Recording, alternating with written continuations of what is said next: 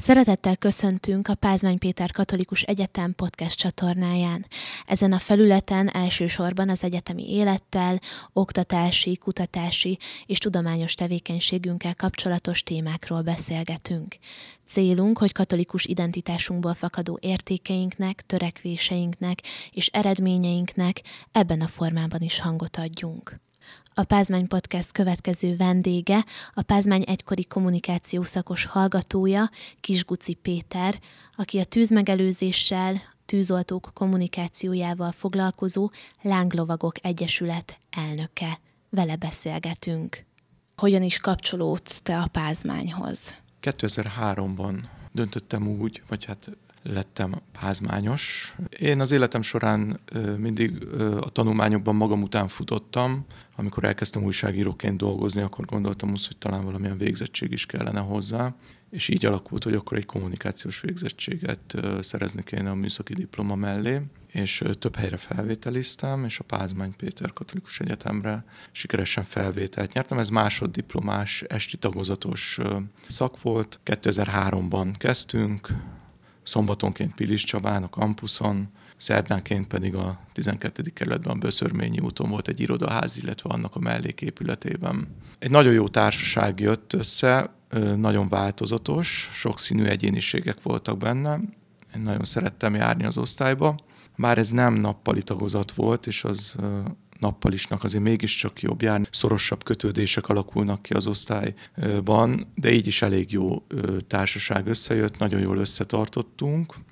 Végzés után sajnos sokan eltávolodtunk már egymástól, így többnyire legalábbis magam tekintetében azért Facebookon azért néha ránézek, hogy kivel mi van, és néha azért hogy egymás üzenőfalán beszólogatunk. Most a kommunikáció az, az milyen formán van jelen az életedben, vagy hogy így jelen, jelen van, gondolom?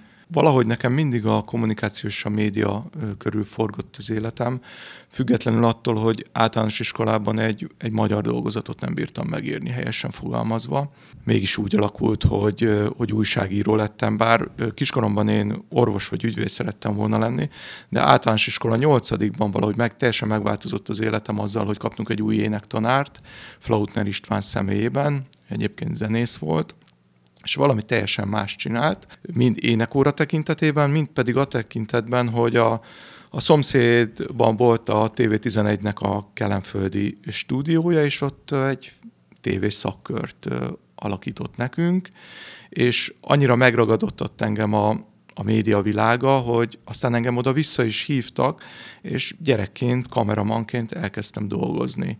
És nagyjából az általános iskola 8, gimnázium, első két éve, amíg meg nem szűnt az a stúdió, addig én legtöbbször élő adásban, ott álltam a kamera mögött, és úgy megtanultam azt, hogy mi az, hogy felelősség, mi az, hogy dolgozni, és közben egy beszippantott magába a média, ami valamennyire a gimnáziumban is folytatódott, új Budán én a József Attila gimnáziumba jártam, és ott nagyon szerencsés voltam, mert ott is egy idő után lett egy filmes szakkör, méghozzá egy nagyon neves szakember által, ő Matkócsik András filmoperatőr, aki szintén nagyon nagy hatással volt rám, és ő viszont kicsit mélyebben a filmművészetbe nyújtott betekintést.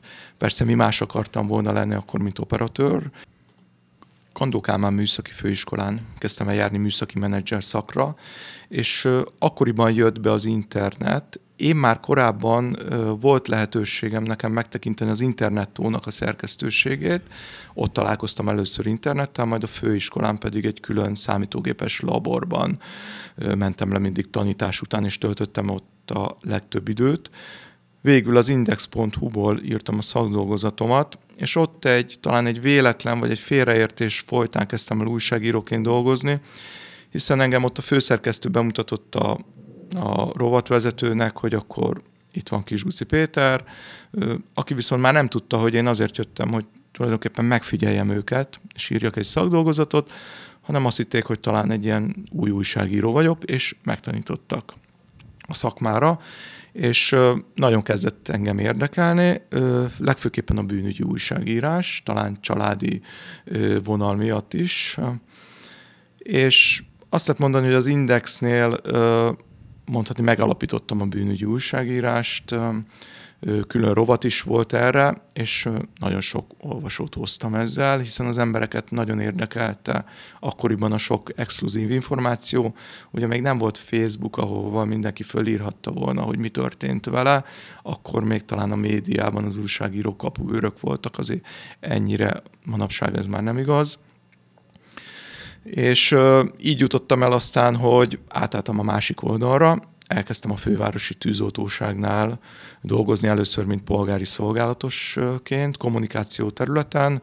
Elkészítettem akkor a, a honlapjukat, és kezdtem el káreseti híreket írni, tehát arról tájékoztattuk az embereket most már írásban is, meg a sajtót, hogy milyen események történtek, milyen balesetek, tűzesetek, és próbáltam azt követni, hogy erről minél részletesebb információt adjak, hiszen úgy gondolom, hogy egy olyan hírnek a sajtóban sok értelme nincsen tűzmegelőzési, baleset megelőzési szempontból, hogy azt mondjuk, hogy valahol valami történt.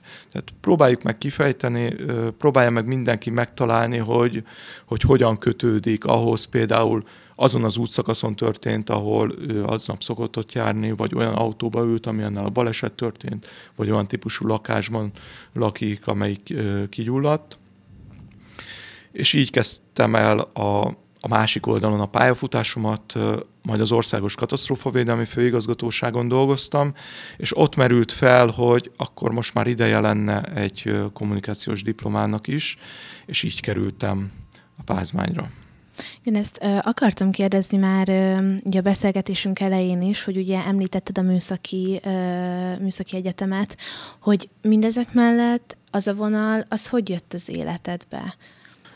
Először ugye műszaki főiskolán, már műszaki főiskolára igen, jártam, bocsánat. ahol ahol, ami Budapesti Műszaki Főiskola Igen. lett, mire elvégeztem, de ezzel nem állt véget. Tulajdonképpen azt lehet mondani, hogy több mint 20 éve vagy 25 éve ben vagyok a felső oktatásban, és visszatértem a, a főiskolára, aztán az Óbudai Egyetemre biztonságtechnikai mérnök szakot végeztem el, és most pedig járok a Budapesti Műszak és Gazdaságtudományi Egyetemre tűzvédelmi tervező szakmérnök képzésre. A műszaki élet az életemben a kommunikációval mindig is párosult, hiszen 2001-ben az interneten néhányan összeismerkedtünk, és erről arról kezdtünk beszélgetni, hogy a tűzoltóknak nincsen egy saját honlapja, saját médiája, úgymond.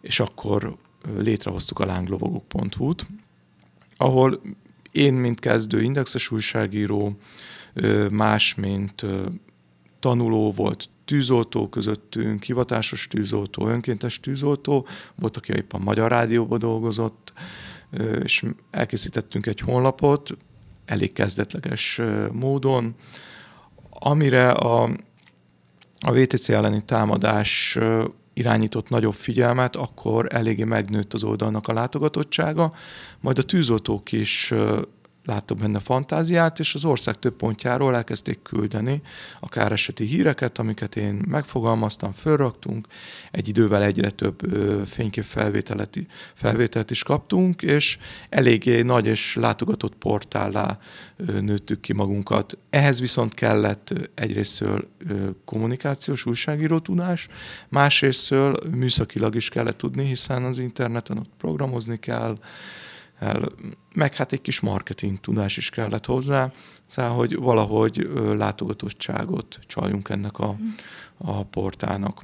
Rákanyarodva a Lánglogvagok Egyesületre, hogyan, hogyan alakultatok ti, mi volt a, a célotok, a motivációtok azzal, hogy, hogy kell egy ilyen egyesület? A lánglovagok honlap köré aztán elég szépen szerveződött egy baráti társaság, rendszeresen nagy találkozókat is tartottunk, illetve volt egy fóruma, ahol elég komoly szakmai és baráti beszélgetéseket is folytattunk.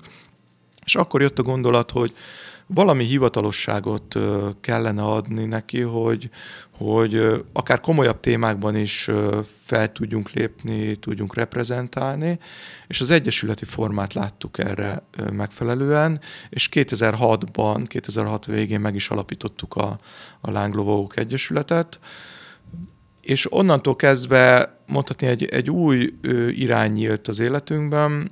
Elkezdtünk különféle tűzmegelőzési kampányokat folytatni, például az, hogy a, a megkülönböztető jelzéssel közlekedő járműveknek meg kell adni az elsőbséget. Ez ilyen kis spotokat készítettünk, kiálltunk az utcára, és röplapokat osztogattunk az autósoknak. És volt egy elég komoly projektünk az igazságügyi szolgálattal, pártfogói felügyeletnek végeztünk jóvátételi eljárásokat. Olyan bűncselekményt elkövetett fiatalkorúakról van szó, akik ahhoz, hogy ne ítéljék el őket, valamiféle jóvátételi programon kellett részt venni. Ezt a programot én kidolgoztam, ez a tűzoltóság, rendvédelem köré összpontosult. Ezzel kapcsolatban egy ilyen tájékoztató előadást tartottunk, főleg olyan gyerekeknek, akik tűzoltóautót dobáltak meg kővel, vagy bombariadót, dót, csináltak, vagy akár csak passzív résztvevőként ott voltak a telefonáló mellett, és bizony ők is büntetőeljárásban találták magukat. Itt az előadás mellett még elvittük őket a repülőtéri tűzoltóságnak a pszichikai pályájára is, ahol egy ketrecben, egy befüstölt ketrecben légzőkészülékkel kellett végigmenniük, és, és igazán meg kellett érezniük, hogy milyen kemény fizikai és pszichikai megterhelés tűzoltónak lenni, és talán a, az életükben nem is kéne játszani azzal, hogy számukra egy téves riasztást generálnak. Az Egyesület az mai napig létezik, mindig kitalálunk valami új kampányt. Az utóbbi öt évben a társasházaknak a tűzvédelmére összpontosítunk, legfőképpen a panelházak tekintetében, ugyanis itt tapasztalom a mostani munkám során a leginkább, hogy nagyon nagy baj van. Egyfelől a közös képviselők nem tudják, hogy milyen tűzvédelmi szabályok vannak, vagy tudják, de nem tudják azokat érvényesíteni. Ugye az életben minden a pénz körül forog, és sokszor azt hiszik a közös képviselők is, hogy meg a lakók is, hogy az a jó ház, az a jó, jól üzemeltetett épület, ahol minél kisebb a közös költség. A tűzvédelem aznak viszont ára van, hiszen jogszabályi előírások vannak, hogy különféle tűzvédelmi berendezéseket bizony felül kell vizsgálni, karban kell tartani, erre viszont az emberek nem szeretnek pénzt áldozni. Sokszor ez olyan kidobott pénznek tűnik egy, egy cég életében is, mindaddig, amíg nem történik egy tűzeset, egy sérülés, haláleset, amikor bizony rádöbbennek, hogy hogy a tűzmegelőzés nagyon fontos. Az Egyesülettel így készítettünk kiadványokat, ezeket rakjuk lakóépületeknek a, a reklám tartóiba, vagy közös képviselőknek eljutatjuk közgyűlésekre, társasházi közgyűlésekre elvisszük, illetőleg egy nagyon, talán mondhatni Magyarországon teljesen egyedülálló módon egy internetes e-learninget készítettünk társasházak tűzvédelméről, amely most már az évek során olyan szinten felfejlődött, hogy az tűzvédelmi szakemberek részére is elég komoly információkat tartalmaz, de az alapvetően a stratégia az, hogy a közös képviselők, illetve a lakók ismerjék meg a lakóépületeknek a tűzvédelmi szabályait, képekkel, videókkal illusztrálva hogy az emberek egyébként mennyire ö, nyitottak, vagy mennyire befogadóak ezzel kapcsolatban, mennyire figyelnek oda, tehát hogyha ti felhívjátok ezekre a figyelmet, de hogy ö, mennyire, mennyien fogadják ezt be? Ja, a tűzvédelem nagyon sok lakó részére. Itt soha nem volt tűz, és soha nem is lesz, ugye? Hát aztán kiderül, hogy mégiscsak rendszeresen járnak oda a tűzoltók. Nem biztos, hogy tűzeset miatt. Nagyon sok olyan eset van, hogy egy idős ember nem ad életjelet, és akkor jönnek a családból, próbálnak bejutni a lakásba, és akkor vagy sikerül még elve megtalálni hozzá tartozót, vagy már nem. Meg ugye a tűzvédelem számukra, hát ez egy lehúzás, az csak azért vannak ezek a szabályok, hogy az, az államkasszát ugye abban minél több pénzt be lehessen szedni, minél több bírságot ki lehessen szabni.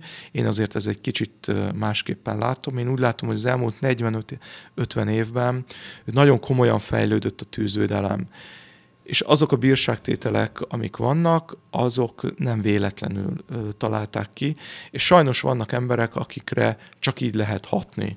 Ö, persze sokan mondják, hogy igen, majd én vállalom a felelősséget azért, mert ö, kirakom oda a szekrényt a folyosóra, hogy Na, ezek az emberek lesznek, akik majd utoljára vállalják a felelősséget, természetesen nem is övéké volt az a szekrény.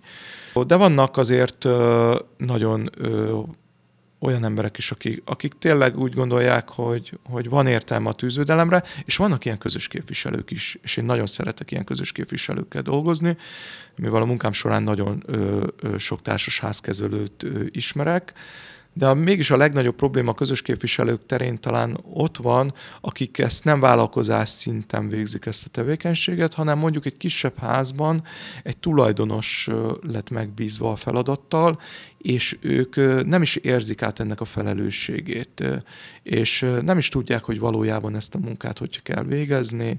Azt hiszik, hogy ez, ez csupán egy könyvelés, holott nem, itt azért jóval komolyabb dolog egy, egy háznak az üzemeltetése. Említetted, hogy 40-50 évvel ezelőtthöz képest mennyit változott és mennyit fejlődött a, a tűzvédelem, vagy a tűzmegelőzéssel kapcsolatos dolgok. E, ezt kicsit fej, fejtsd már ki, mert erre kíváncsi vagyok, meg szerintem ez érdekes lehet a hallgatóknak is, hogy, hogy, hogy miben változott a tűzmegelőzés. 60-as években ugye megindult a, a panelház, aznak az építési hulláma, és akkor már a tűzoltóság is felfigyelt arra, hogy ebből itt nagy baj lesz ezekből az épületekből, és 1965-ben akkor még ágazati szabványként a tűzoltóság országos parancsnoksága megalkotta, kicsit külföldön is körbenézve egy olyan hazai szabályozást, amely, amely a mai napig mondhatni alapját képezi a lakóépületek tűzvédelmének, és kitalálták az, hogy legyen hő és füstelvezetés, ugye tűz esetén, meg különféle szabályokat, hogy hogyan is kell tűzvédelmileg megépíteni ezek a középmagas-magas épületeket. Csak közbeszólt a politika, közbeszólt az öt éves terv, hogy hát fontosabb fölépíteni gyorsabban ezeket a házakat, mint hogy a tűzvédelmi követelményeknek érvényt szerezzük. És ugye ezt, ezt még a mai napig is érezzük, hogy fölépültek úgy házak, hogy nem minden akkoriban kötelező szabály valósult meg benne tűzvédelmileg, bár később a Cserti utcában volt egy hét halálos paneltűz a 70-es években, akkor rájöttek, hogy talán a tűzvédelemmel mégse kéne játszani, és elrendelték utólagosan ezeket a tűzvédelmi munkákat, de nem sikerült mindenhol. Egy-két évvel ezelőtt magam is futottam bele olyan panelházba, tízemeletes panelházba, ahol nem volt füsttelvezetés, de a tulajdonosok és az intézőbizottság nagyon megértette ezt a problémát, és ki is építették utólag, ha már a jogszabályi előírás ellenére, ugye abban az volt, hogy állami költségen kell ezeket a munkákat utólag megvalósítani, ez nem történt meg. Ezek a panelházakat nagyon felújításra szorulnak. Én azt látom, hogy ugye főleg uniós támogatásból elindult egy, egy felújítási program, de talán nem azzal kezdték, amivel kellett volna. Tehát persze nagyon fontos a, a energetikai szempontból is a, a hatékonyság, de közben elfelejtkeztek a gépészeti felújításokról, legfőképpen a villamos felújításokról, ami a tűzeseteknek a nagy részét pont okozza. Megfeledkeztek a füstelvezetőknek a felújításáról, bár részben, amikor a hőszigetelési munkálatok folytak, szerencsére akkor, hogyha állami pályázat volt, akkor még a katasztrófavédelemnek ebbe volt beleszólása, és kötelezően elrendelték a füstelvezetőknek a felújítását. Mégis most látjuk a mai napban, mai napokon, hogy bizony nagyon leromlottak a panelházaknak a az állaga gépészetileg, villamosságilag, ezt a tűzetes esetek során is tapasztaljuk, és most jönnek pályázatok nélkül, önerőből kell ezeket előteremteni, ezeket a pénzeket, és azért egy, egy villamos felújítás nem olyan, mint egy hőszigetelés, hogy úgy, úgy látjuk az eredményét, olyan, olyan szép lett, olyan jó érzésbe menni a házba, így a tulajdonosok nem is nagyon szeretnének pénzt áldozni erre, de hogyha ez, ez most nem fog megtörténni, és, és ebben nem gondolkodnak el a tulajdonosok, és tényleg nem indul meg egy óriási panelfelújítás, akkor bizony az unokáik sem fognak már ott lakni ezekben a házakban.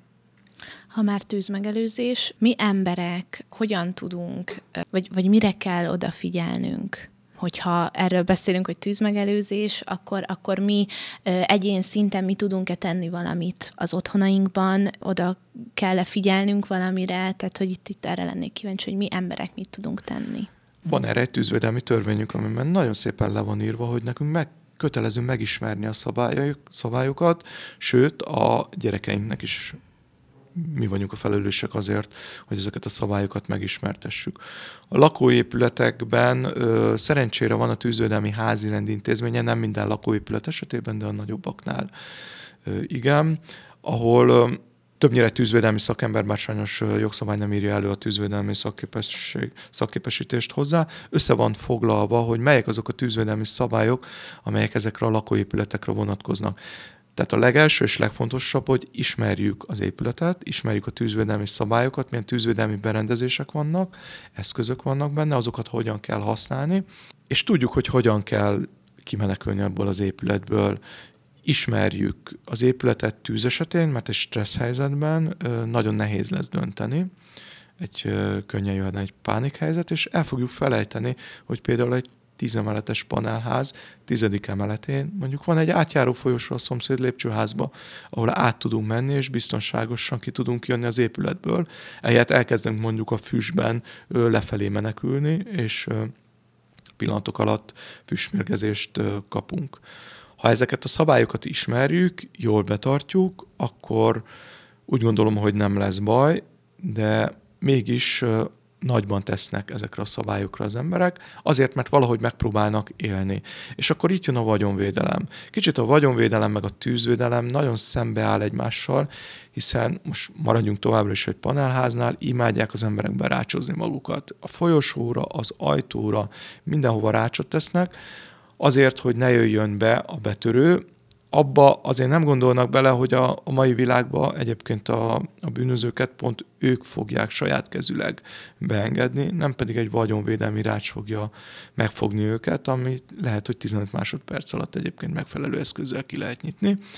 Tehát magyarán csak egy hamis biztonságérzetet ad nekik. Tűz esetén viszont nagyon komolyan veszélyezteti az ő menekülésüket, hiszen füstben, sötétben, stressz helyzetben nem fognak beletalálni a, a kulcsjukba, ha egyáltalán megtalálják a kulcsot, és nem fognak tudni kimenekülni az épületből. Egy panelházban ugye nagyon fontos, hogy minél előbb elkezdjük a menekülést, ha nem, akkor viszont a lakásban kell maradni, ami nem feltétlenül jó ötlet, mert hogyha alattunk keletkezett a tűz és a gépészeti aknában bizony a födém lezárások nem valósultak meg, vagy a szellőző rendszerben, akkor bizony az a tűz föl fog jönni, és ez is követett már halálos áldozatokat mit jelent, mit jelent számodra ez a munka? Tehát, hogy miért szívügyed? Mert azért, ahogy beszélsz róla, ez érezhető, hogy, hogy nagyon szereted, amit csinálsz, illetve így a, a végén, hogy, hogy egy picit így felhívni a hallgatók